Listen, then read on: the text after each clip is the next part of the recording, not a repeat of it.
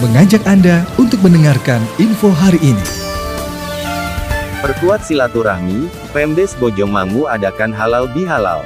Bojongmangu, pemerintah desa Bojongmangu mengadakan kegiatan halal bihalal di hari kedua masuk kerja usai libur Hari Raya Idul Fitri 1443H yang berlangsung di kantor desa setempat, pada Selasa tanggal 10 Mei tahun 2022.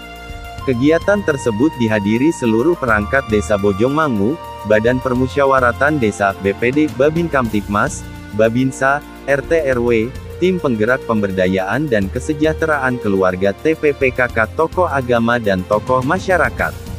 Dalam kesempatan itu Kepala Desa Bojongmangu, Ibu Jari, menuturkan halal bihalal pasca Idul Fitri merupakan bagian dalam merawat kebersamaan aparatur dan staf perangkat desa bersama unsur lain sebagai penggerak pemerintah desa.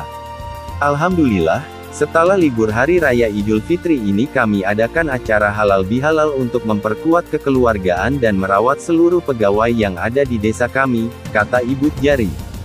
Dirinya berharap, agar usai Hari Raya Idul Fitri ini seluruh perangkat desa dapat lebih kompak dan semangat dalam meningkatkan kinerja guna memberikan pelayanan kepada masyarakat.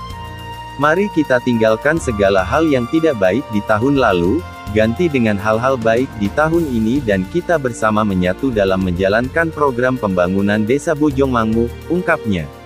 Ibu Jari berpesan kepada semua perangkat desa Bojongmangu agar mampu menjalankan tugas dengan sebaik-baiknya dan penuh tanggung jawab dalam melayani masyarakat. Semoga kita semua diberi keberkahan dan kesejahteraan, sehingga dapat bersama-sama membangun desa dengan penuh semangat, agar Bojongmangu menjadi desa yang maju dan bermartabat, harapnya.